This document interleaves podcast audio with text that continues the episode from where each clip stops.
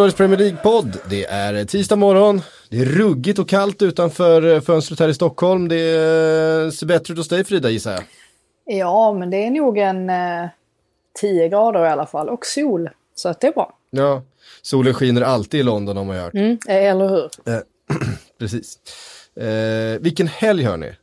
Herregud vilka res resultat vi tar med oss in i eh, landslagsuppehållet som vi precis har gjort nu då. Eh, Liverpool 8 poäng nu före Manchester City efter åtta omgångar. Um, vi kommer att komma mer in på det, men vi måste börja på ett i här känner jag efter den här helgen. Manchester City 0, Wolves 2. Det är alltså första gången som City blir nollade på hemmaplan sedan säsongen 17-18. Eh, det är ett sanslöst resultat och en sanslös dålig prestation på många sätt utav Manchester City. Det var ju en eh, fullt rättvis och rimlig seger för eh, Wolves som ju har varit så svaga i inledningen på den här säsongen. Va, eh, vad var det som hände? Vem vill börja? Frida, Kalle? Ja, jag kan väl börja inleda då. Jag ehm, eh, såg inte matchen, satt i en buss. Eh, eller förlåt, det här var på söndagen. Jag såg inte matchen för jag skulle skriva eh, det andra Manchester-laget då som sändes. Men jag kollade på den lite grann i efterhand. Dock inte sett hela matchen. Men det man kan konstatera är att Manchester City kom ju till spel med det som eh, inte är i närheten av ordinarie lag. Eh, de spelar som åtta män Otamendi, Fernandinho som mittbackar. Och eh, redan de första minuterna så får ju Wolves ett friläge på jätteslarv i Manchester City. Och eh, det var ju temat för den första halvleken att de verkligen var eh, väldigt, väldigt osäkra där bak. Och eh, inte bara mittbackarna utan Mahrez spelar ju typ fram till ett friläge för Wolves. Mm. och det kändes väldigt otryggt. Sen var det ju inte någon synk offensivt heller. Och där kan man ju se direkt då, De Bruyne spelar ju inte den här matchen. Och eh, man spelar istället med Rodri, defensiv mittfältare, och så Gündogan Silva som mm. offensiva mittfältare. Det har aldrig riktigt blivit samma eh, dynamik med de två.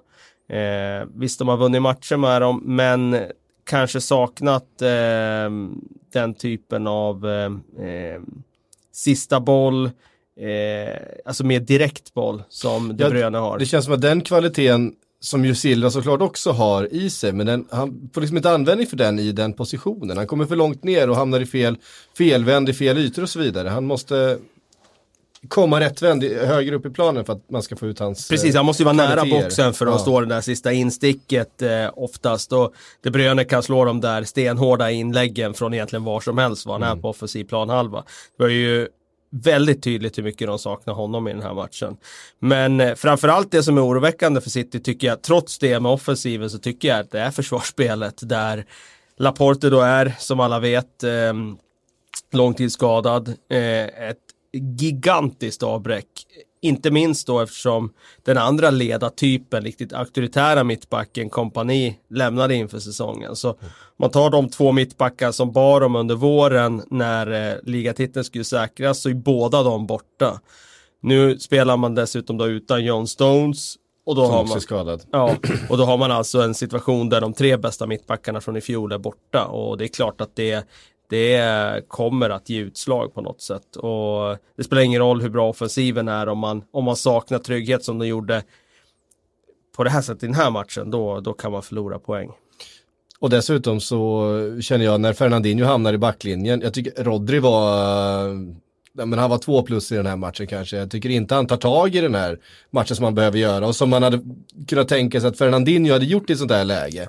Vart tryggare, vunnit mer, eh, närkamper och eh, City får liksom ett annat tryck i de här matcherna mot lag som backar hem när det är Fernandinho som spelar för han är, han är så mycket coolare bara helt enkelt. Han är så otroligt bra på att stoppa upp motståndare i ja. defensiva omställningar och City blir ju sårbara just i den fasen eftersom de skickar fram så mycket folk och när de har honom i den rollen så, så kan jag inte se så många spelare i, i världen som är bättre på att göra just det jobbet. Så att ja, det blir ju en synergi effekt åt fel håll. Alltså man flyttar Fernandinho där, då blir man svagare där och sen saknar man dessutom en mittback och då blir man sämre på mittback också. Så att eh, det, mm, det, det, det finns eh, anledning till eh, bryderier för Guardiola nu för att eh, dels åtta poäng, det är jäkligt mycket, men framförallt har han de här problemen med de här skadorna och det, det är ingen quick fix på det. Nej. Frida, Adama Traoré, ja. hur, hur bra är han egentligen? Hur bra han är egentligen? Ja, alltså han är, vi, vi pratar ju ganska ofta om honom. Eh, han får ju ofta en del skit, men eh, kvaliteter har han ju. Ja, nej men absolut. Men det var väl ingen som, även om man är förvånad av att det är just Wolves på något sätt som liksom vinner den här matchen så är man ju inte jätteförvånad ändå för vi vet ju om att de har mycket individuell kvalitet i laget. Eh, det är ju faktiskt främst spelmässigt som det kanske inte har sett sådär jätteinspirerande ut. Eh, men det där är ju ganska intressant ändå att de liksom har förlorat mot just Wolves som har sett så trötta ut samt mot Norwich. Eh, det är ju kanske inte de lagen man hade tippat på förhand att de skulle straffas emot. Eh, såg också att det var någon som hade grävt fram ett gammalt citat av Guardiola där han säger att en titel eh, vinner man de åtta sista omgångarna men man förlorar den de åtta inledande omgångarna. Och, och ska man tro, tro på hans egna ord så har de ju faktiskt redan, redan förlorat titeln och det tror väl de flesta också.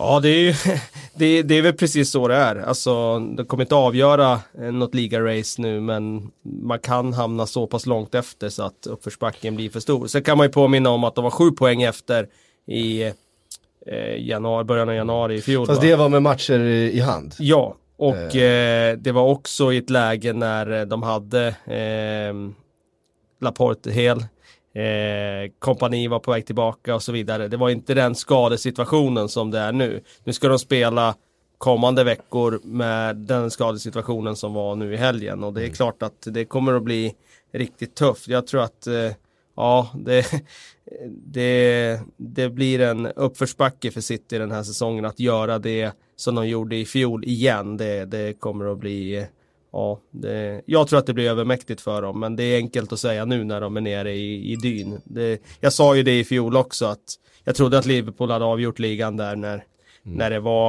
eh, ett avstånd ner i januari där och det gjorde de ju inte, men eh, jag, jag, jag tror att det, det blir deras år nu istället. Mm. Um, det var det som jag tyckte, alltså jag gillar ju Adama Traoré, jag har ju pratat mycket om honom eh, tidigare, nu får han göra två mål i den här matchen, men det var så intressant tycker jag i första halvlek, där han fick spela höger wingback med en enda uppgift, han ska matcha Sterlings fart. Och det gjorde han ju, eh, och det gör han ju, det finns ju ingen som springer ifrån Adama Traoré, det är ju ingen som är så snabb i fotbollsvärlden. Eh, och det var så roligt för att Sterling, det sitter ju i ryggraden på honom, han ser en spelare stå på hälarna och då petar han och springer. Ja. Och det var vid ett läge som han gjorde det. Och det var helt sjukt, det var inte ens en närkamp. Ah, Traoré sprang bara dit och tog bollen. Ja, ja, det... Eh, och det var som att han, han, Sterling kom helt av sig i den situationen. Vad va fan var det som hände? Han hade sån fruktansvärd eh, acceleration där, Traoré, just i det momentet. Jag tror att det var på uh, Match of the Day som de uh, plockade upp det i efterhand. Uh, och bara kolla den här speeden liksom, på, precis mot det här motståndet, precis mot den här spelaren. Alltså hur smart det var av eh, Espirito Santos att bara göra det. Du har en uppgift, här. det är ju ingen försvarsspelare Traoré. Det, det, är ju en ganska korkad spelare på många sätt. Eh, men det här löste han ju, här hade han ju en uppgift liksom. Ja, du får inte bli, du får inte bli omsprungen av Sterling. Och, och, det blir han ju inte. Eh, och sen i andra halvlek så, så ändrar de, Doherty kommer in, tar över den, stänger till istället på ett annat sätt.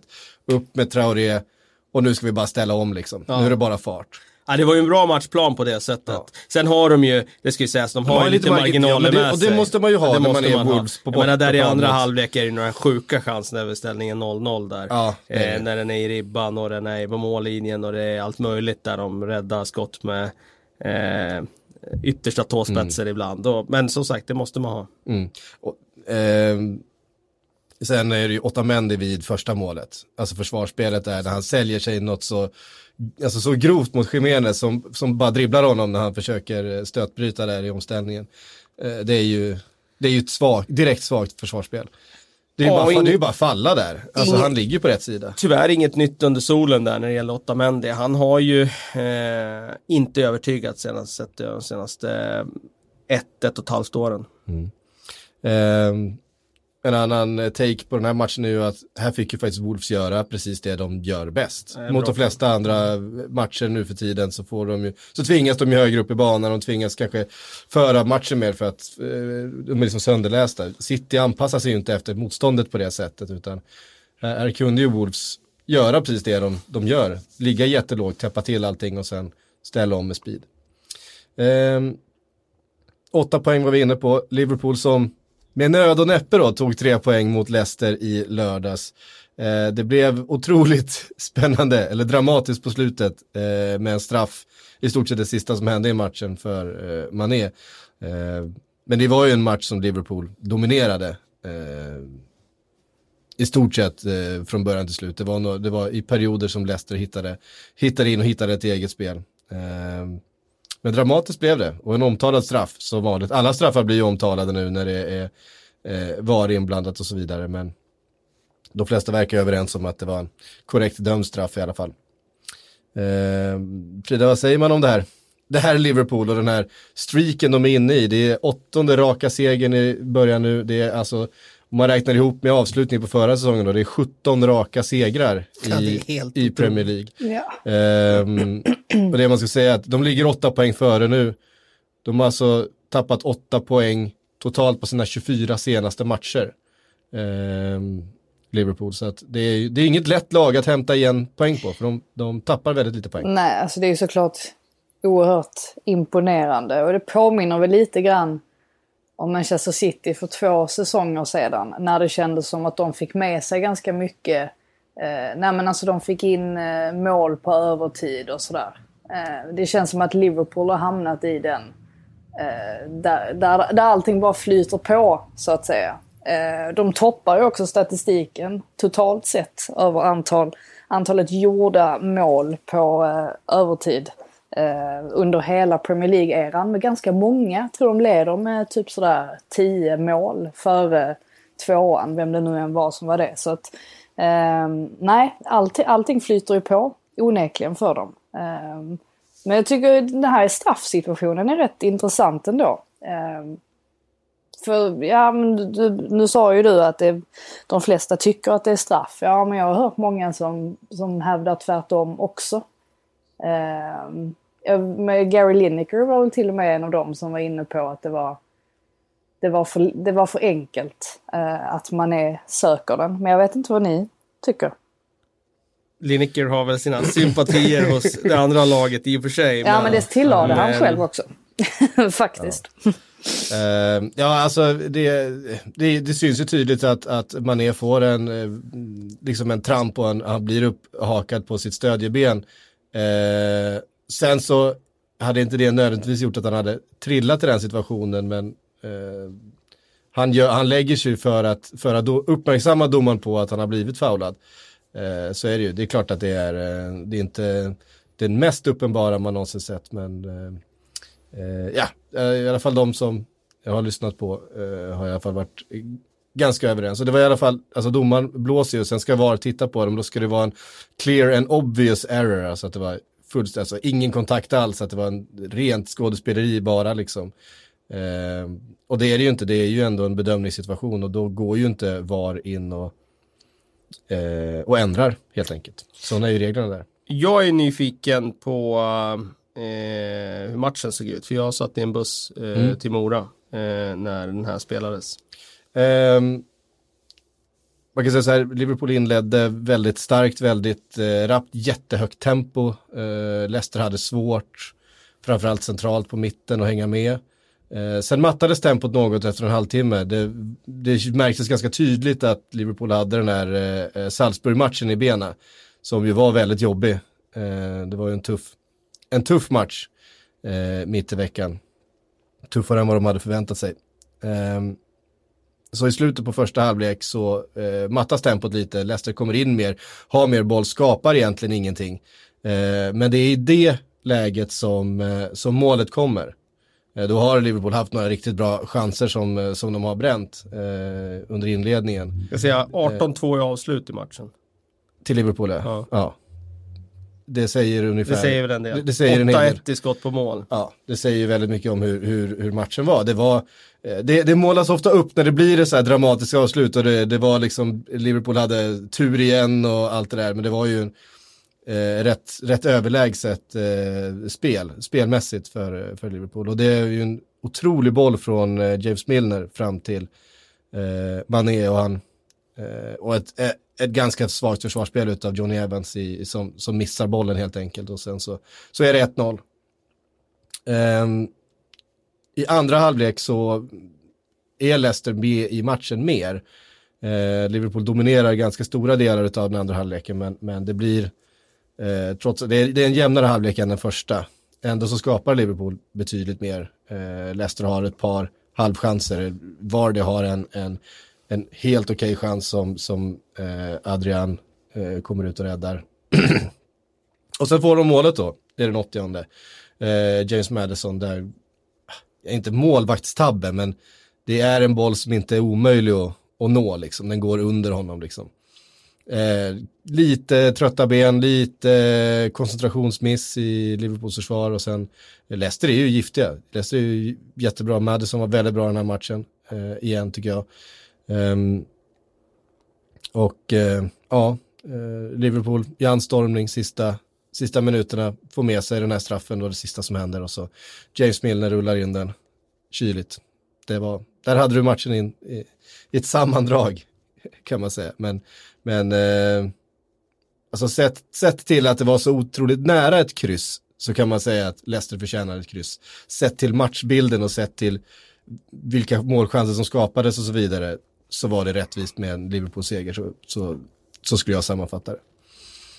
Ehm, um, 17 raka för Liverpool, eh, 8 poäng eh, upp. Men det fanns andra resultat den här eh, helgen som faktiskt har gett mer och större eko och som kanske kan få större konsekvenser för vad som händer de närmsta veckorna här under landslagsuppehållet.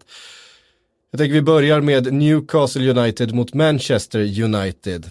Eh, en match som på förhand såklart borde ha varit ett klart övertag, klart favoritskap för Manchester United. Men med de skadorna de har och den truppen de har och formen och tränaren och allting för tillfället så kändes det som en match som hade kunnat ja, sluta 1-0 till, till vem som helst ungefär. Slutar 1-0 till Newcastle. Men före vi kommer in på United så måste vi ju prata lite grann om bröderna Longstaff. För det är ju så jävla mäktigt att se två stycken unga hemvävda spelare i Sean och Matt Longstaff starta tillsammans på centralt mittfält för Newcastle. Göra det så här bra mot Manchester United och dessutom så får Matt, 19 år gammal, dunka in den från 25 meter och avgöra matchen. Det går ju liksom inte att skriva sådana här sagor. Nu måste du ju eh, nämna, nämna svenskkopplingen också där ju. Ja, precis. Pappa, pappa Longstaff som då spelade... Det har vi pratat om förut ja, i spela, spela, spela, Hockey i Djurgården. Hockey i Djurgården. Som 2001 enligt, va? enligt uppgifter ska ha gråtit i båset när han, de spelade eh, Rule Britannia när han gjorde sitt, tror jag, enda mål för klubben. då, ska, då ska det ha kommit tårar i, i, i eh, avbytarbåset. Ja, det är stort. Eh, på Hovet. Eh, det kom nog en tår eller två i söndags också när Eh, han fick se grabbarna eh, springa ut där och starta för Newcastle. Dessutom var så avgörande båda två. De dominerade ju det där centrala mittfältet. Ja, det gjorde de. Alltså, eh, bröderna Longstaff dominerade ju Fred och McTominay i, i det Vilket här fallet. kanske inte är den största största eh, bedriften i fotbollshistorien, men, eh, men likväl så, så gjorde de ett väldigt bra jobb. Sen tycker jag det var fantastiskt att se intervjun efteråt där med de två, för att eh, den är ju så genuin på ett sätt som intervjuer i Premier League aldrig är. Eh, utan det var ju Michael Antonio-klass på den intervjun. Ja. Om inte ännu bättre, för nu hade han ju dessutom avgjort matchen och fick berätta om det själv och han var inte mediatränad, Matt Longstaff, utan han var precis så genuin som alla spelare är från början innan mm. de blir liksom omformerade i den liksom mediacirkusen som följer de stora ligorna. Och det var ju, jag tror, det här med att gå igenom rutan och, och liksom fånga hjärtarna hos tittarna. Det tror jag att eh, den, eh, den titeln har han redan vunnit den här säsongen, Matt Longstaff ja. faktiskt. Alltså, otrolig genuin Jordi, Jordi. Titta gärna på den intervjun om ni inte har sett den. Ja. Eh, för det är den eh, värd att göra. Mm. Ta gärna med ett lexikon, ett Jordi-lexikon. ja, det är lite svårt att höra vad han säger, men det var fantastiskt ändå, även om man inte förstår Jordi-dialekten. Ja, uh, och det är magiskt. Och det är så sjukt för att, alltså, matchen han gör dessutom, han springer längst av alla på planen. Han slår flest eh, passningar av alla på planen. Han har ett skott i ribban och det är han som gör målet till slut. Det är ju en, eh, han, han, är ju man of the match egentligen för, för Newcastle eh, eh, mot Manchester United. Det är ju otroligt. Eh, och så kul att liksom bröderna eh, tillsammans. Det går ju inte att flytta på dem nu. Ja. Jag, tror inte han slog flest passningar för United hade ju 80% i bollinnehav. Ja, i, i, Newcastle. I Newcastle ja. stod han nog flest. Men, eh, men ja, det, det, var en väldigt bra insats och eh, kan vi ha ett brödrapar som spelar tillsammans på centralt mittfält i Premier League 2019 så är det en helt fantastisk story. Mm. Eh, har det blivit mycket snack och skriverier om bröderna Longstaff i England de senaste dagarna Frida? Ja men det har det. Senast idag så hade Daily Mail en lång eh, intervju med deras mamma. Eh, så det, det, det, säger ju lite. Det vill man ju läsa faktiskt. Ja men precis, det säger ju en del ändå. Om att det, det blir lite så här euforiskt när Ja men det är väl någonting med bröder. Eh, brö jag kan inte ens säga det i plural. Men två bröder ihop. Det blir väl lite extra speciellt de bor ju hemma båda två fortfarande vad jag förstod. Mm. Så att, eh, det är klart de gör. Eh, så att, eh, ja, ja, kul. Men alltså, jag tänkte på det. Bodde de hela familjen i Stockholm då? Ja. För att det jo. var ju precis den här tiden då, då eh, Matt var ju bara ett, ett, år då. Han är ju född 00. Han är född 00 ja. Mm. Så att, eh, ja, de bodde i Stockholm som, eh, som småbarn då helt enkelt. Yes. Man vill ju veta mer, man vill ju veta vilket för, vilken förskola de gick på. Man vill ju veta, var, var det rent av så att de hade sin första fotbollsträning på en eh, på plastmatta någonstans liksom i, eh, i Nacka eller så. Det, jag tror inte den här Daily Mail-intervjun förtäljer Nej, det. Nej, men, men du, vi har ett detektivarbete att göra här. Precis, du kan ju få kolla Absolut. upp det. Absolut. Kan försöka. Eh, Ja, eh, har du läst den här Daily Mail-artikeln, Frida? Eh, ja, eller jag skummade ja. liksom igenom den. Jag läste inte mm. den jättenoga, men jag såg att de nämnde att de hade bott i Sverige, så det verkar ju vara en stor del ändå av deras eh, ja, uppväxt. Annars hade de ju inte nämnt det liksom. I, eh... Nej. Nej. Ja, man, jag, jag, jag, har ett sådant omättligt behov, eller så här, eh, eh, hunger efter. Jo, så jag, kommer sätta mig och, och, och, gräva, i, gräva i allt som är, som är Sean och Matt Longstaff. Eh, eh, när vi lämnar den här studion. Men, eh, den stora storyn förstås bröderna Longstaff, men den andra stora storyn är ju förstås vad som händer med Manchester United. Vi pratar alltså världens största fotbollsklubb här. Eh, mesta mästarna, ja, you name it. Det är Manchester fucking United och de ställer ut ett lag som skulle ha, ja, på, på en bra säsong ta sig upp på övre halvan nej, liksom. Det, nej, jag, jag, jag har sett ett frågetecken kring det alltså. alltså ja men på en bra säsong. ja, men då, ja men så kan man ju säga om alla. Om alla ja. överträffar sig själva och liksom spelar helt fantastiskt. Men titta på det här laget säger jag. Ta bort de Gea och Maguire. De är ju mm. ja, såklart hög Premier League-klass båda två. Dalot, Tuansebe, Young, McTominay, Fred, Pereira, en trött Mata, Dan ja. James ja. och Marcus Rashford som är i usel form. Det här är ett lag som skulle kunna åka ur ligan. Alltså jag menar allvar. Mm. Om du spelar den här elvan och det här är din bästa startelva i Premier League, då skulle man kunna åka ur. Ja, alltså det, det är ju många spelare i Newcastle som går rakt in. Ja, och, det, och de och låg ju på 19 plats. Och, och, det, och det är ett lag som vi tror kommer åka ja, precis. De har ju varit tippade i botten, så det, ja. det säger väl eh, allt egentligen. Ja. ja. det är ett fruktansvärt dåligt material. Ja. Eh, och det är klart, de har en jättelång skadelista nu. Det är ju sex startspelare mm. som inte är med. Och jag menar, jag brukar säga att en spelare gör skillnad. Sex spelare gör ju givetvis gigantisk skillnad. Mm. Och eh, det är svårt att blunda för det. Samtidigt så skador drabbar ju alla lag. Mm. Och någonstans måste man ju börja fundera kring eh, tränarteamets ansvar i att skadelistan ser ut som den gör. Nu la de om för säsongsupplägget i år. Pratar väldigt mycket om att de tränar hårdare än någonsin och det var ju dubbla sessions under försäsongen och så vidare.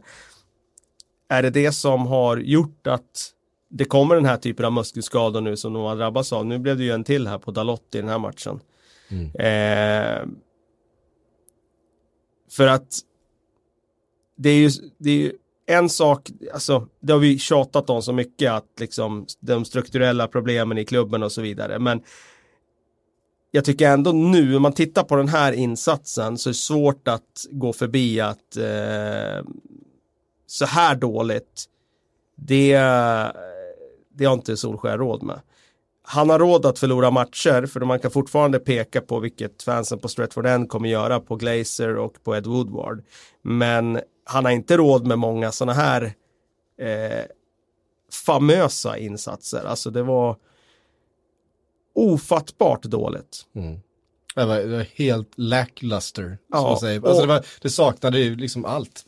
Alltså jag skulle säga att den sämsta insatsen som Manchester United, den mest pinsamma insatsen United har gjort eh, efter Sir Alex, det var Olympiakos borta.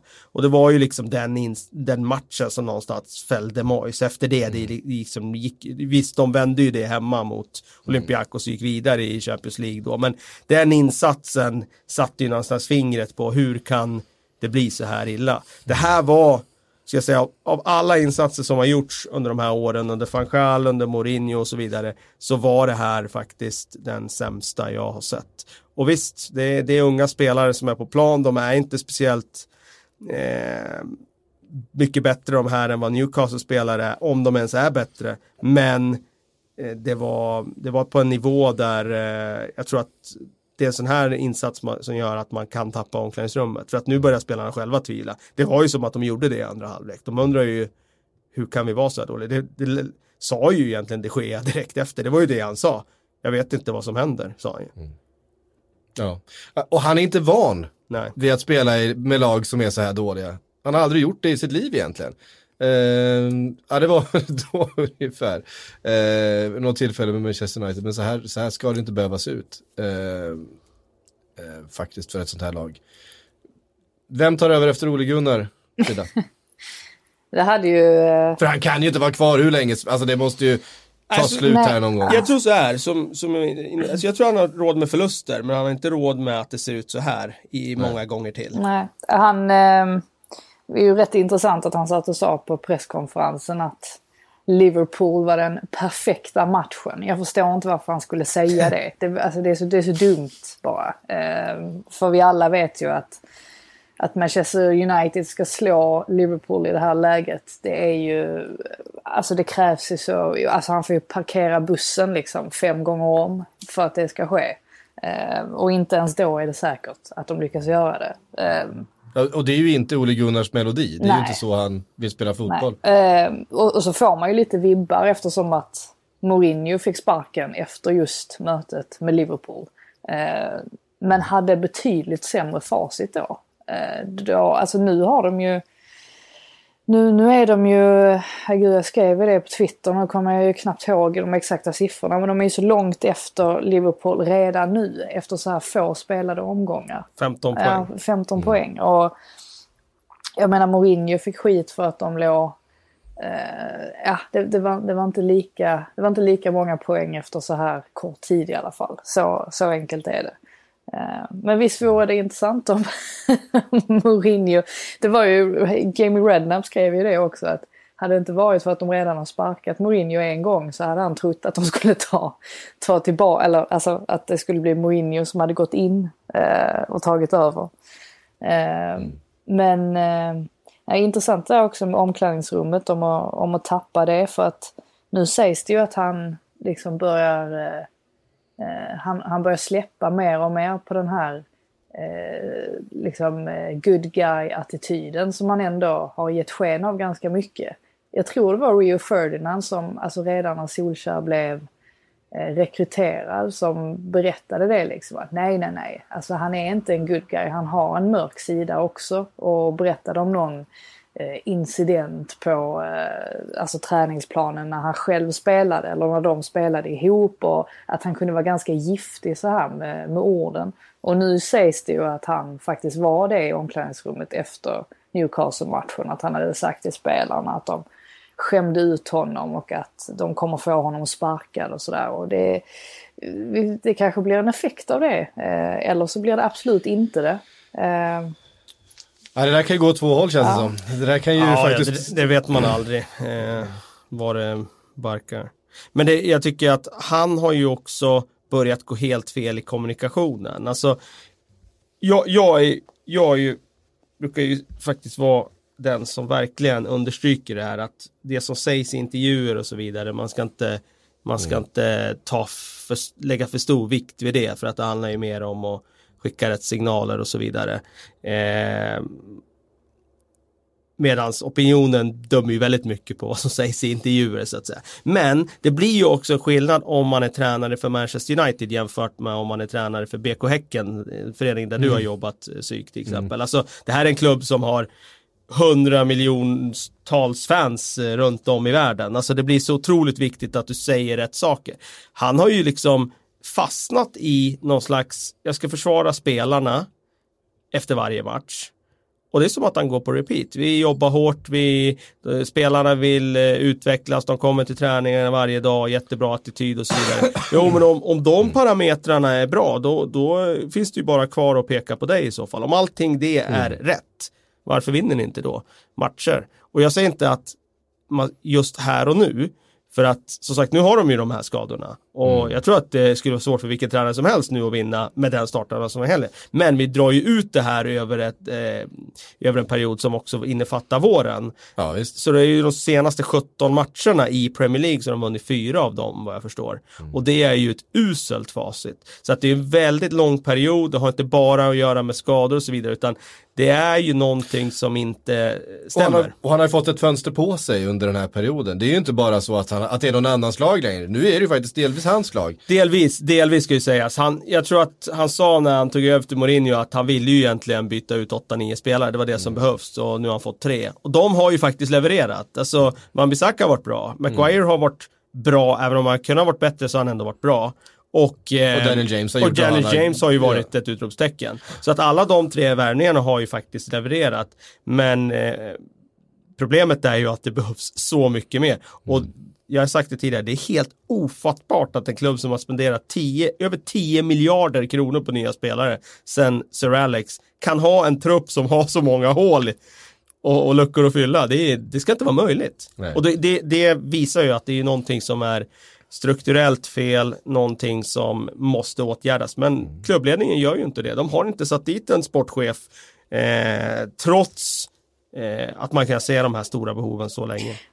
Och, Mm. ja, Ja. men bara, nu har han ju sämst, eh, vad, vad säger man, Ra, ratio. Eh, alltså av alla tränare under Premier League-eran också. Alltså han, han ligger ju på en, en vinstmarginal eh, marginal på 47,5 procent. Vilket är sämre än eh, alltså Fanchal, Gaal, Moyes, Mourinho, eh, allihopa. Eh, och även om han inte har, givetvis inte har varit tränare i lika många matcher så eh, det säger ju en hel del. Mm.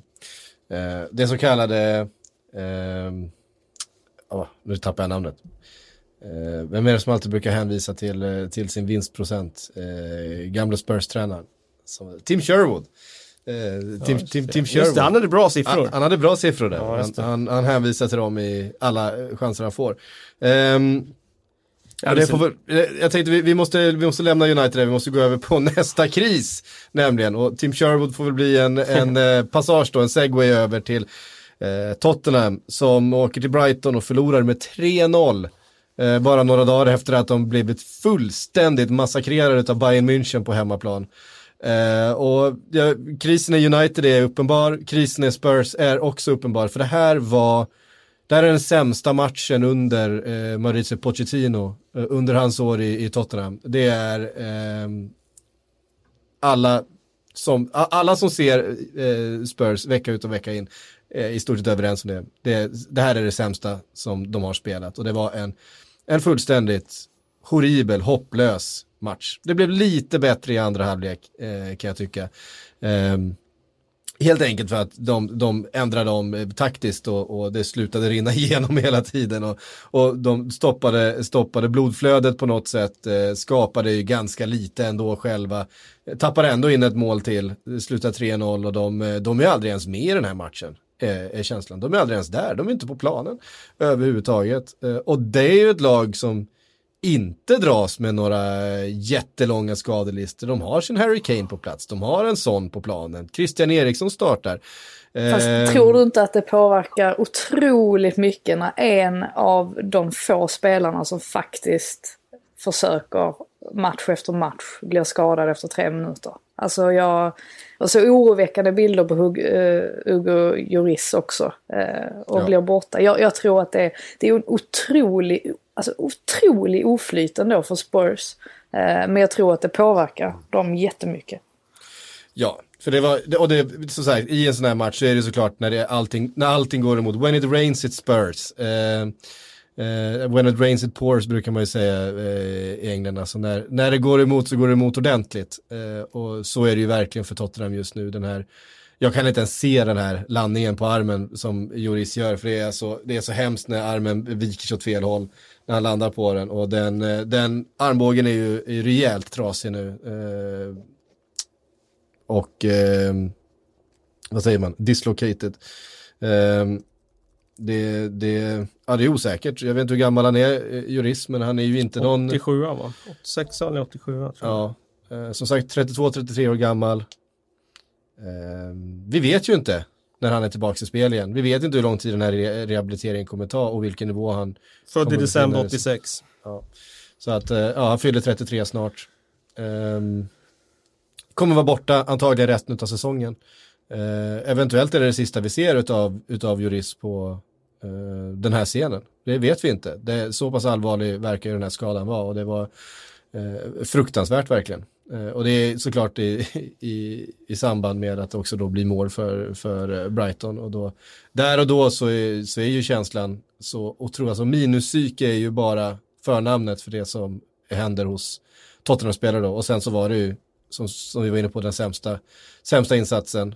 Eh, sen Pochettino kom dit. Och det, det, det är ju som att det inte stämmer i den där klubben. Det är så mycket som eh, mentalt. Det, är spelare som inte har kontrakt de är nöjda med, det är en, en tränare som inte verkar vara nöjd med sin situation, det är, eh, det är mycket som inte stämmer. Ja, och frå frågan är vad de, alltså vad, vad Levi, vad, vad han ska göra ens. Alltså ska han, det här är liksom, han sitter på en av de främsta tränarna i världen som i princip alla klubbar hade velat ha.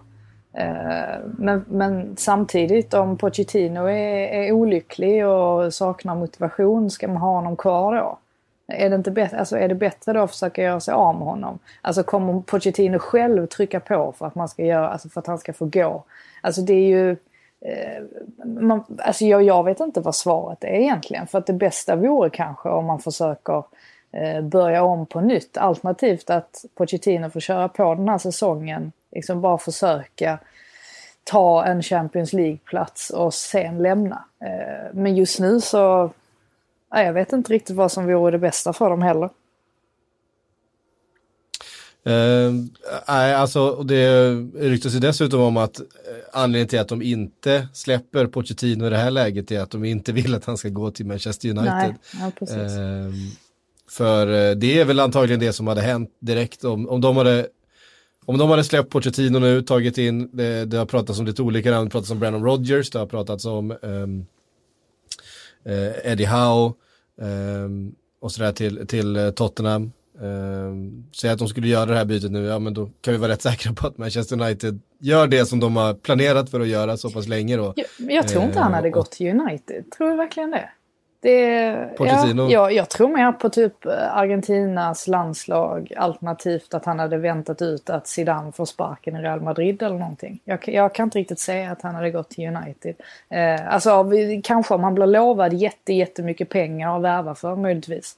Men eh, det är ju en ganska svår sits som United sitter i och det är inte helt enkelt att gå in där och försöka rädda upp den situationen heller. Eh, men jag vet inte hur han tänker.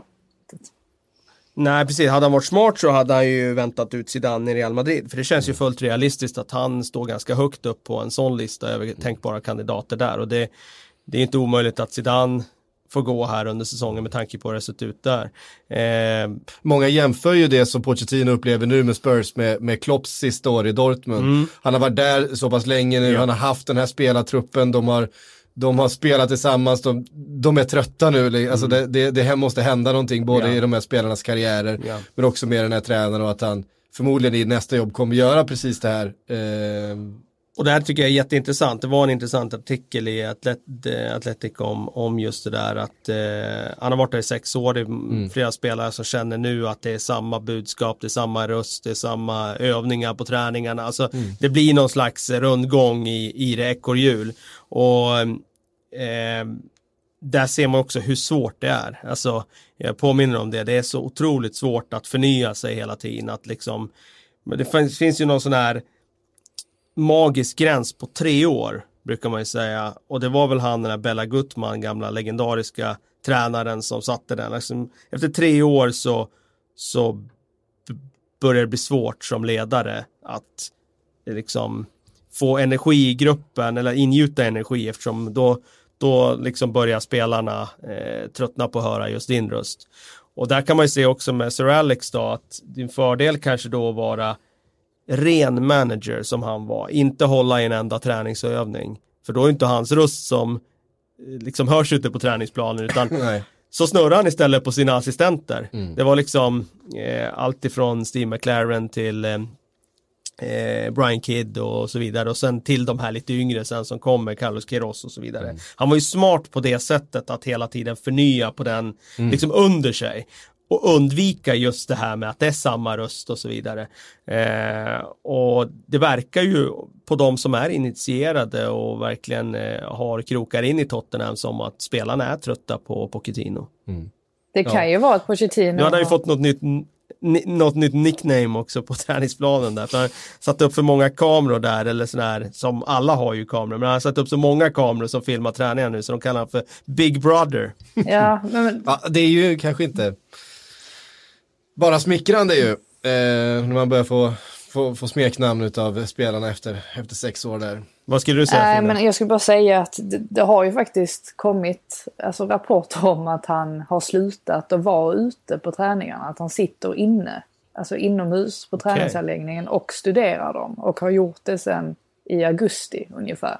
Och att det är också en grej som har alltså, fått spelarna att bli fundersamma och undra varför, varför är han inte med på träningarna längre. Men alltså, med, med tanke på det du säger så kan det ju faktiskt, det är ju inte helt omöjligt att han själv har insett. ja, men alltså, Sitter där framför skärmarna och tittar där Ja, istället. men att han har insett att Ja. det, det, jag kanske ska överlåta detta till mina eh, assistenter istället och så får jag... Alltså han är ju inte, det här är ju en intelligent människa. Eh, jag bara menar att han, han har kanske Verkligen, själv ja. insett att eh, han har varit där lite för Men länge. samtidigt då borde han ju vara där ute på träningsplanen och titta på träningarna liksom. Med, alltså, han tittar ju såklart på träningen ändå men alltså då borde han ju såklart stå där. Det är ju konstigt om han inte ens är där ute på träningsplanen. Men det, det, jag tycker det är intressant just med ledarrollen sådär hur små saker kan liksom förändra dynamiken i en grupp och så vidare. Det nämndes ju i samma artikel som jag läste där att Spelarna tyckte ju det var konstigt där efter Champions League-finalen där. Det var ju så besviken så han, han flög ju inte med laget hem tillbaka till England utan han åkte hem direkt till sitt hem i Barcelona. Och det, redan, bara en sån grej tyckte de spelarna, eller säg inte alla, men spelare tyckte i alla fall att det var märkligt gjort av en ledare att, att inte åka med tillbaka. Och det finns ju en grupp där i, i Tottenham som man kan tänka sig eh, har ganska mycket att säga till om. Jag menar, eh, Harry Kane såklart är, är ju eh, hela eh, frontfiguren för det här projektet, förutom Pochettino då. Men, men en sån som Eriksen, en Alderweireld, en Fertongen eh, och så vidare. Det är ju spelare som också har haft väldigt stora liksom, kontraktsdiskussioner och, och eh, inte lyckats komma överens med klubben de senaste åren där det har varit mycket eh, frågetecken ju eh, runt några av de absolut mest tongivande spelarna och, och seniora spelarna i, i truppen och det är klart att det, och det har de ju varit tydliga med att det har ju påverkat. framförallt Eriksen-situationen har ju påverkat ja. jättemycket. Det har, de, det, har, det har ju Pochettino pratat om många gånger. Hur, hur eh, jobbigt han tyckte det var. Och där är väl också en sån där grej. Levi ska ju ha jättestor credit för hur han har drivit den här klubben, byggt upp den, mm. eh, liksom lagt en ekonomisk grund, de har byggt en ny arena och så vidare. Men det är klart att hans strikta hållning när det gäller lönepolicyn har ju inledningsvis varit jätteframgångsrik för att bygga det här Tottenham och kunna göra de satsningar som man gjort och ändå få in bra spelare och så vidare. Men när de spelarna sen inser att vänta, jag skulle kunna tjäna mycket mer pengar här någon annanstans. Tidigare var ju Tottenham väldigt skickliga på att förlänga kontrakt i rätt lägen. De hamnade inte i den här situationen. Där blev väl Toby Alderweireld vad jag förstår en lite av en referenspunkt för han valde att inte förlänga mm. och då har man hamnat i frysboxen i Tottenham.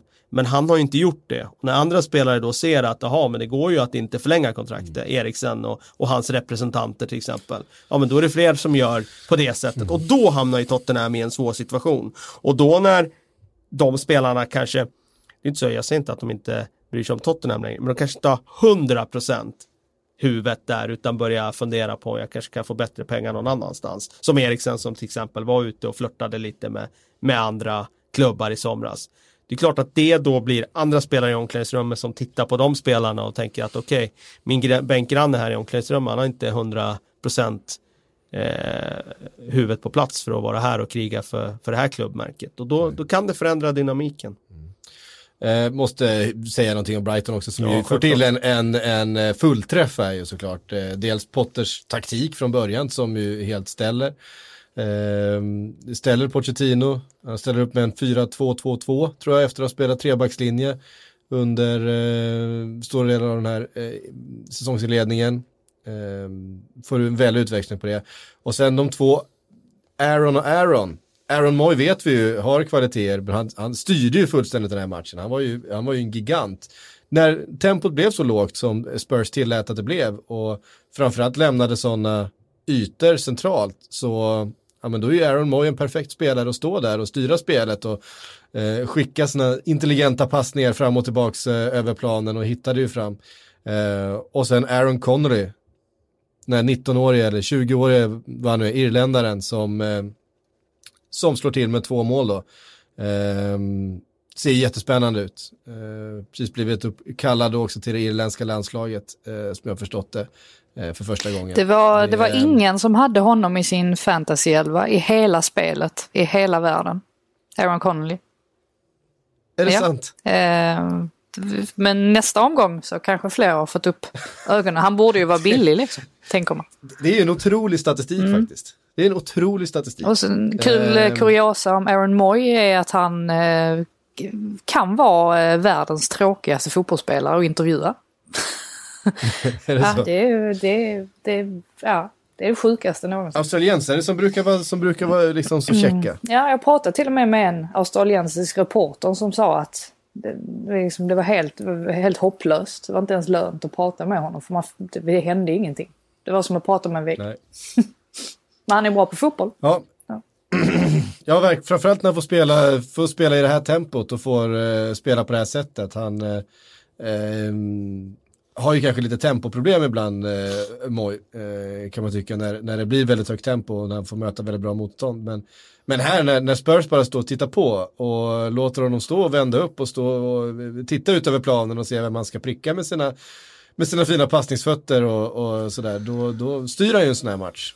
Eh, och det gjorde han ju verkligen i helgen. Men från, en, från den krisen då vidare till nästa. Eh, Burnley-Everton 1-0. Everton nu nere på nedflyttningsplats då efter åtta omgångar. Eh, och med tanke på de investeringarna som de har gjort och att eh, Marco Silva har fått det här förtroendet så är det ju, eh, nej det är ju inte bra det heller. Eh, och frågan är om Marco Silva klarar sig över landslagsuppehållet utan att få sparken. Eh, det, där spekuleras det eh, mycket om eh, också. Hur djup är den här krisen egentligen? Ja, han eh, toppar ju i alla fall eh, oddslistorna över vilken tränare som kommer få sparken härnäst. Eh, Marco Silva. Eh, tror att eh, Pochettino har seglat upp och blivit tvåa på den listan. Eh, följt av eh, Solskär och sen Steve Bruce trots segern. Steve, Steve Bruce by default. Ja, precis. Han står i sidhuvudet på den där. Han kommer göra hela säsongen. Spelar ingen roll om han sju raka vinster så kommer han ändå liksom stå där. Ja. Eh, men det, det, säger någonting om det, läget just nu när Solskär liksom inte ens är etta eller tvåa på listan över spel, eller tränare mest troliga att få sparken. Utan, eh, eh, ja, och Everton som ju skulle ta klivet, de som skulle vara favoriterna att slå sig in där topp 6, är de nu som eh, känns allra längst ifrån. Quality sleep is essential for boosting energy, recovery and well-being. So, take your sleep to the next level with Sleep Number. With a Sleep Number smart bed, you can individualize your comfort level and enjoy a better sleep night after night. JD Power ranks Sleep Number number 1 in customer satisfaction with mattresses purchased in-store. And now the Queen Sleep Number C4 smart bed is only $1,599, a saving of $300 only for a limited time. For JD Power 2023 award information, visit jdpower.com/awards. Only at Sleep Number stores or sleepnumber.com. Ja, det så är det ju. Jag eh, kan bara konstatera att eh, du har hyllat Marco Silva i massa olika sammanhang. Ja. Sen han kom till Hall har jag liksom ja, stått i hans ringhörna. Ja, det har du gjort och ja. svingat. Du, ja, står, du, du står fortfarande hänger på repen nu och... Nej, jag gör ju inte Eller det. Eller är du alltså, knockad? Det, jag tror att jag måste äh, backa lite på mitt äh, Silva-hyllande. Ja. Äh, jag har ju visserligen ja, kritiserat hans defensiv äh, vid tillfällen. det var ju väldigt lång tid som Everton inte höll en enda nolla och så vidare. Och vi hade den Eh, problematiken i Watford också. Men jag tyckte alltid han fick ihop ett, ett spelande lag, han, han utvecklade spelarna som var på plats, men det, ingenting av det syns ju i, i Everton just nu. Men man, det, det, det, är ju också sådär, det beror på vilket narrativ man använder. För jag menar, han åkte ju, han åkte ju med Hall. Ja, absolut. Ja. Han, eh, med Watford där gick det ju bra, men det gick ju inte bra sista tiden. Nej. Eh, Efter att Everton försökte precis, köpa loss honom. det var ju så här fem poäng på elva sina ja. sista elva matcher. Och det har inte gått bra i Everton. Nej. Men tittar man på den elvan de har på plan i den här matchen. Det är alltså Pickford som backlinje med Coleman, Keen, Mina, Ding. Schneiderlin, Delf, Richard Leeson, Sigurdsson, Iwobi, Calvert-Lewin. Så den klasser bättre än den Manchester United ställde i helgen. Ja. Ska jag säga. Ja. Och eh, det finns inget att klaga på där med skador och så vidare där. Nej, han har ju byggt det här laget. Ja. så är det. Och han har ju fått fler, flera transferfönster och han har fått mycket pengar att röra sig med. Um, och vi har ju hyllat många av det Vi har tyckt att det har varit liksom kloka värvningar när de har kommit. Um, ja men Richarlison till exempel. Ja. Uh, Ding. Precis. Ja. Delf för den delen. Ja, och han har väl inte övertygat ännu men eh, det kändes ändå som en okej okay värvning eftersom han är bäst som central mittfältare, inte som mm. inverterad vänsterback som han spelar i Manchester City. Eh, men uppenbarligen är det någonting som inte eh, stämmer för att eh, man ska få ut mer av det här materialet. Och Calvert Lewin kan ju inte göra mål. Eh, Nej, han gör ju det någon gång ibland men det är alldeles för sällan. Det är typ var femte match. Sen är det kanske så att, att han... tappet av Idrissa Gueye också alltså, har varit tyngre än vad man trodde på förhand. Det är ju trots allt Delv som har gått in där och skulle vara någon sorts ersättare. Och det är ja. ju faktiskt en försämring. Eh, ja. Idrissa Gueye som ju gör jättebra i Paris Saint-Germain. Eh, för stunden har ju verkligen vuxit med den uppgiften. Eh, och då blir det tydligt hur viktig han var för, för Everton tidigare. Eh, helt korrekt. Vi, eh, vi bara konstaterar då. Sen, jag menar, Burnley på hemmaplan. Det är inte lätt för något lag. Det är, det är, de, de är svårslagna och du vet, det kommer ju, det var som vi var inne på, de kommer ju, de kommer ju syna dig liksom. De kommer syna dig eh, hela vägen. Du, kommer, du får inte slarva med grunderna. Eh, Eh, Han ligger sjua i tabellen nu. Och Palace, som Frida har, där Frida har ifrågasatt Roy, ligger alltså sexa i tabellen. Ja, men det kommer. Ja. Raset kommer snart. Vi får skynda på lite här för vi ska riva av de matcherna också. Men jag tänkte vi skulle eh, säga någonting om Arsenal-Bournemouth 1-0. Du var där Frida. Mm.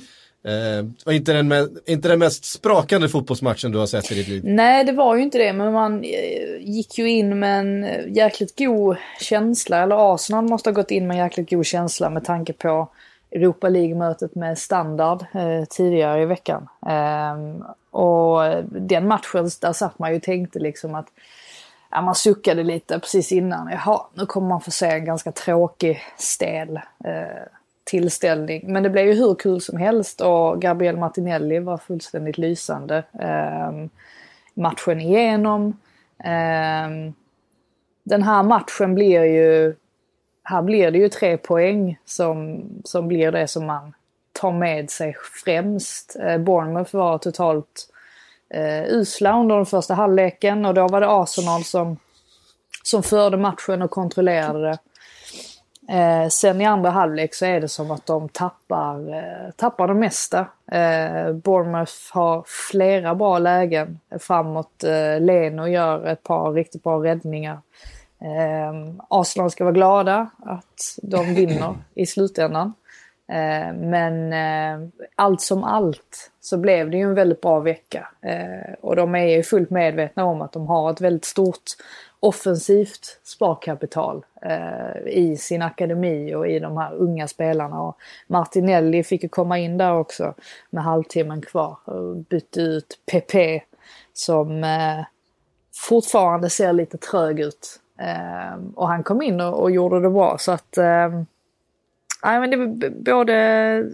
Självklart finns det negativa aspekter från matchen. Men som alltså, i det stora hela så en väldigt bra period eh, för Arsenal nu.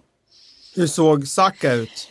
Saka var, det är det som är så intressant för att alltså, när jag sitter där på plats eh, så tycker jag att Saka gör en väldigt bra match i, i sett till hur, alltså det defensiva arbetet han lägger ner. Alltså han Eh, vilket han gör gång på gång, att han eh, är, dels är väldigt mogen i sitt försvarsspel och också är långt nere på liksom, egen planhalva och, och försvarar gång på gång på gång. Eh, och jag tycker det är mycket det som gör att Arsenal kan eh, liksom kontrollera matchen där under den första halvleken. Eh, men jag tror inte man ser det riktigt om man kollar på TV för att jag har sett många som har påstått att han var att han inte alls var bra och, och att det var PP som var den som var bäst i, uh, i den här fronttrion då. Uh, jag tycker att PP, jag tycker inte han, han stack inte ut åt något håll egentligen. Uh, det, det, var, det är väl klart att han kan göra sin gubbe och sådär men, men han kan liksom inte göra tre stycken och ibland försöker han sig på att göra det. han, han är ganska medioker fortfarande. med det sagt så Eh, är det väl klart att det alltid tar lite tid för nya spelare att komma in i det hela och nytt land och så vidare. Så det är väl klart att han fortfarande kan eh, explodera. Men än så länge så har man inte sett det. Och som sagt, jag tyckte inte att det var någon skillnad. Och det säger väl ganska mycket också att Emery plockade ut honom och satte in Martinelli. Och han plockade ju inte av Saka eh, direkt. Eh, det kom senare när Torera skulle komma in. Eh, men ja, li, li, lite frågetecken där. Eh, det är det ju. Mm. Eh, verkligen. Men eh, Arsenal smyger med. De är eh, uppe på eh, tredje plats nu va? Eh, precis bakom Manchester City trots att eh, eh vi har ifrågasatt deras, deras organisation och försvarsspel och sådär i vissa matcher så eh, tar de ändå sina poäng. Eh, det, det är en styrka i sig. Betyd, vad, vad betyder det Kalle? Jag var inte med i det där, jag satt och läste här en annan grej. Vad sa ja, du? Förlåt. Arsenal eh, uppe på tredje plats. De ja. smyger med. Trots att eh, de inte får eh, liksom alla bitar att stämma så får de tillräckligt många bitar att stämma för att ändå ta sina poäng. Otroligt viktigt. Alltså, man kan en bara... poäng bakom City liksom. Ja, precis. Det är ju en extremt bra tabellposition sett till hur mycket kritik tränaren har fått, sett till hur mycket spelet ändå har hackat, både offensivt, eller framförallt defensivt då såklart, men i, i olika faser. Jag menar, de har köpt en spelare för en herrans massa pengar som inte har levererat överhuvudtaget. Alltså, de har ju fått ut väldigt mycket av väldigt lite hittills. Mm. Och det talar ju för att det finns mycket mer potential att plocka ut. Så att det har ju trots allt varit en väldigt positiv start på säsongen för Arsenal. För att mer än topp 4 hade ju ingen förväntat sig. Och nu finns det ju goda chanser att eh, vara med och hugga där. Nu är det ju fortfarande väldigt jämnt i tabellen så att det är såklart ett, ett jobb som ska göras. Men eh, jag skulle säga att det, det, ser bra ut. De har fått väldigt många bonusspelare också med Saka som ja, visar det, framfötterna, vi, Martinelli, alltså det är ju... Emery har ju varit jättekritiserad och ifrågasatt utav Arsenal-supportrarna men man kanske glömmer lite grann hur mycket spelare han faktiskt verkar förädla här och som han faktiskt verkar Guendouzi förra året in i det här som laget. nu är färdig, eller färdig att vara en startspelare och ja. bära lagets många matcher. Eh, Will, Willock, eh, Willock har ju kanske jätte... inte varit lika bra men han är ändå där och gör många inhopp och, och insatser. Han startar i början av säsongen också. Mm. Så att han är ju väldigt duktig på att släppa fram unga spelare. Det kan man ju inte säga någonting annat om. Och visst, jag, jag kan också tycka ibland att eh, vissa byten är lite märkliga och vissa kanske en övertro på att spela ut från insparkar när man inte har materialet för det. Det är skillnad mm. om du har mittbackar som är jättebolltrygga. Har du Sokratis kanske du inte ska göra det. Och så vidare. Men mm. eh, trots allt, jämför med andra klubbar som är i, i stor kris nu, Tottenham och Manchester United till exempel, så får man ju säga att MRI har haft en, en ganska bra säsongstart eh, med, med Arsenal. Eh, bra tabellposition, ligger i hyfsat bra slagläge. Eh, och sen en kurva som jag tror pekar uppåt också. Det kan inte bli sämre försvarsmässigt, nu jinxar jag lite, men jag tror att det blir bättre när Holding och de här kommer tillbaka. Mm. Och då har Tierney man... har ju sett jättespännande ut. Ja, ja, ja, jättefin ut. Och sen har man de här eh, bonusspelarna som jag kallar dem för och det jag menar med det, det är att de, man har inte räknat med Saka mm. när säsongen börjar, men nu har han liksom varit så bra i sina inhopp så att det är ändå en spelare som man kan använda här och där och Martinelli och så vidare. Och det, jag tror att det, det, det känns eh, positivt för Arsenal just nu. Mm. Southampton-Chelsea 1-4. Eh, det säger ju någonting ändå om, eh, vi har kommit så här långt in i programmet och fortfarande inte nämnt att, eh, att eh, Chelsea gör fyra mål borta mot eh, Southampton i det läget som de är.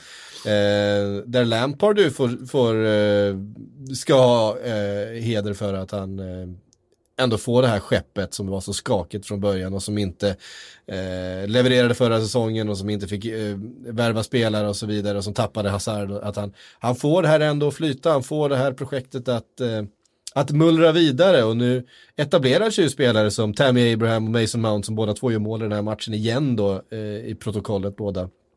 Eh, och en Kanté som är där och som är sådär viktig som han ju måste vara för det här laget. Han är ju han är ju deras bästa spelare. Eh, ja, det var ju... Eh, alltså det är jobbigt att försvara sig mot alla dessa spelarna man har Alltså Mount och William och O'Doy och Abraham som är så duktiga och rörliga och liksom de... Precis, Hudson, Hudson och Doy nu tillbaka. Precis, och de, de, de byter kant med varandra hela tiden och man såg ju på Hassenhytten, han bara, han bara skakade på huvudet typ hela highlights-paketet ju för att det... Southampton var helt oförmögna att försvara sig mot det. Ehm, och det är ju det som gör att man vinner i, i slutändan. Sen är det ju fortfarande lite skakigt i försvarslinjen. Nu släpper man inte in någon fast situation i den här matchen. Eh, men eh, Kutsuma eh, har någon boll där han liksom ska ska passa till Jorginho och den bollen blir helt fel och så blir det i princip ett friläge för Southampton som jag vill tro att Kepa räddar i slutändan eller hur det nu mm. avstyrs. Så att det finns ju fortfarande, och samma målet är ju också rätt, rätt stillastående försvar spel. Så det finns ju fortfarande grejer att jobba på men just den här Eh, alltså när man ser när Kanté är tillbaka också, om man slipper Ross Barkley, så då är det ju en fantastisk eh, offensiv. Eh, så är det ju. Och, ja. Så att ja, mycket bra. Och Kanté som, som har ju vuxit som spelare, han är ju mer en box-to-box mittfältare nu än man var tidigare. Eh, men behåller ju många av sina riktiga spetsegenskaper då i, i hans förmåga att läsa spel och läsa Eh, närkampssituationer och så vidare där han är ju så eh, ja, oöverträffad i, i fotbollsvärlden eh, vill jag ändå hävda. Nu gör han mål igen eh, och han, han eh, visst det är en eh, skott som styr men han tar de där skotten, han har ett annat självförtroende i sista tredjedelen nu än vad han hade tidigare. Eh, gjorde, ett, gjorde ett klassmål mot Liverpool häromveckan. Eh, tar avslutet igen, och den, och den eh, går in igen och det var ett ganska viktigt mål. Det var det. Då hade ju Southampton en livlina in i matchen där efter reduceringen. Ja, precis. Och, och, hade väl vid det läget också, eh, det var väl då de hade en ganska farlig frispark va? Som Ward Prowse tror jag drar över. Eh, men det är ju ett sånt läge med en sån spelare som Ward Prowse är ju, eh, finns ju alltid den, den möjligheten för, för ett Southampton. Och det var lite, lite sådana onödiga grejer defensivt för, för Chelsea. Men eh, han är viktig för dem, eh, Kanté, att han eh, inte bara städar och håller ordning på mittfältet utan han faktiskt bidrar offensivt. Viktigt också. för Pu Pulisic mycket... också att få en assist ja, där på Batshuayis mål. Pulisic har ju varit väldigt ifrågasatt och Lampard har ju varit ganska tydlig med att han måste jobba lite hårdare eh, om man ska slå sig in. Och man såg att det betydde sjukt mycket för honom att han fick spela fram till det målet. Eh, Pulisic. var jättefin assist. Mm. Eh, otroligt vacker framspelning.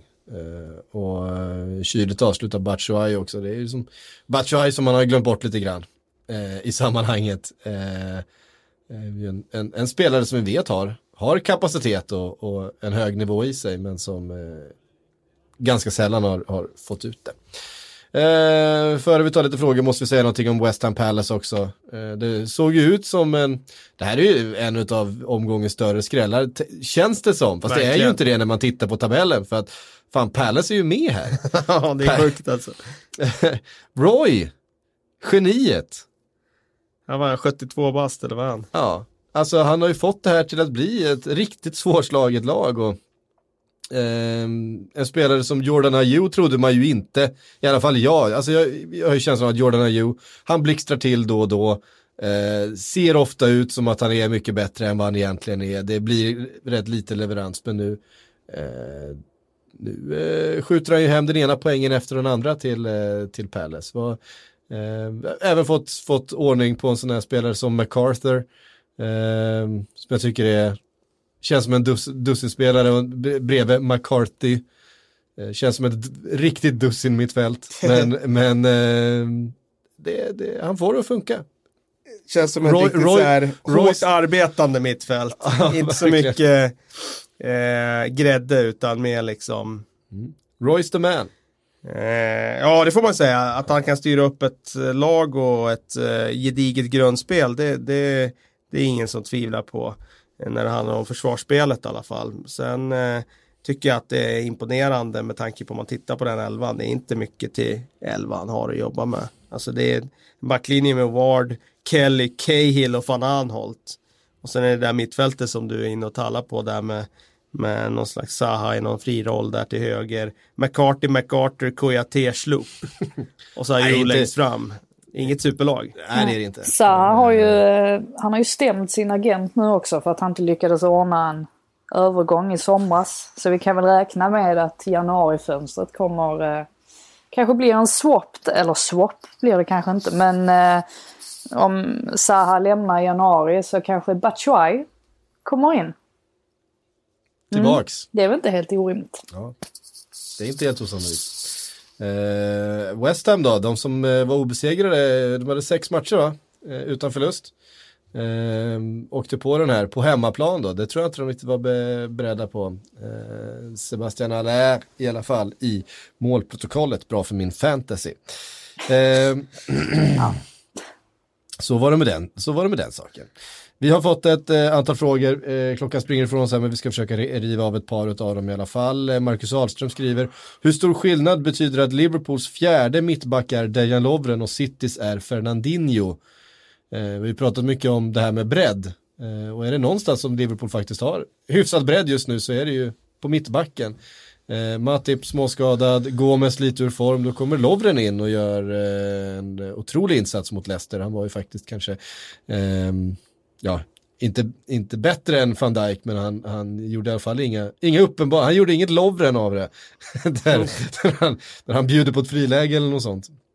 Utan kändes riktigt eh, stabil och, och, som den där bra Lovren som han kan vara ibland. Oh, alltså jag skulle säga att det, för att svara på frågan där, ja, ursprungsfrågan ja, ja. så eh, det borde inte göra så stor skillnad att fjärde mittbacken är en ordinarie skolad mittback eh, i Liverpools fall. Men det är klart att det blir skillnad när, när City har de skadorna de har. Det viktigaste är ju att du har din bästa mittback tillgänglig. Ja. För då kommer han styra upp resten.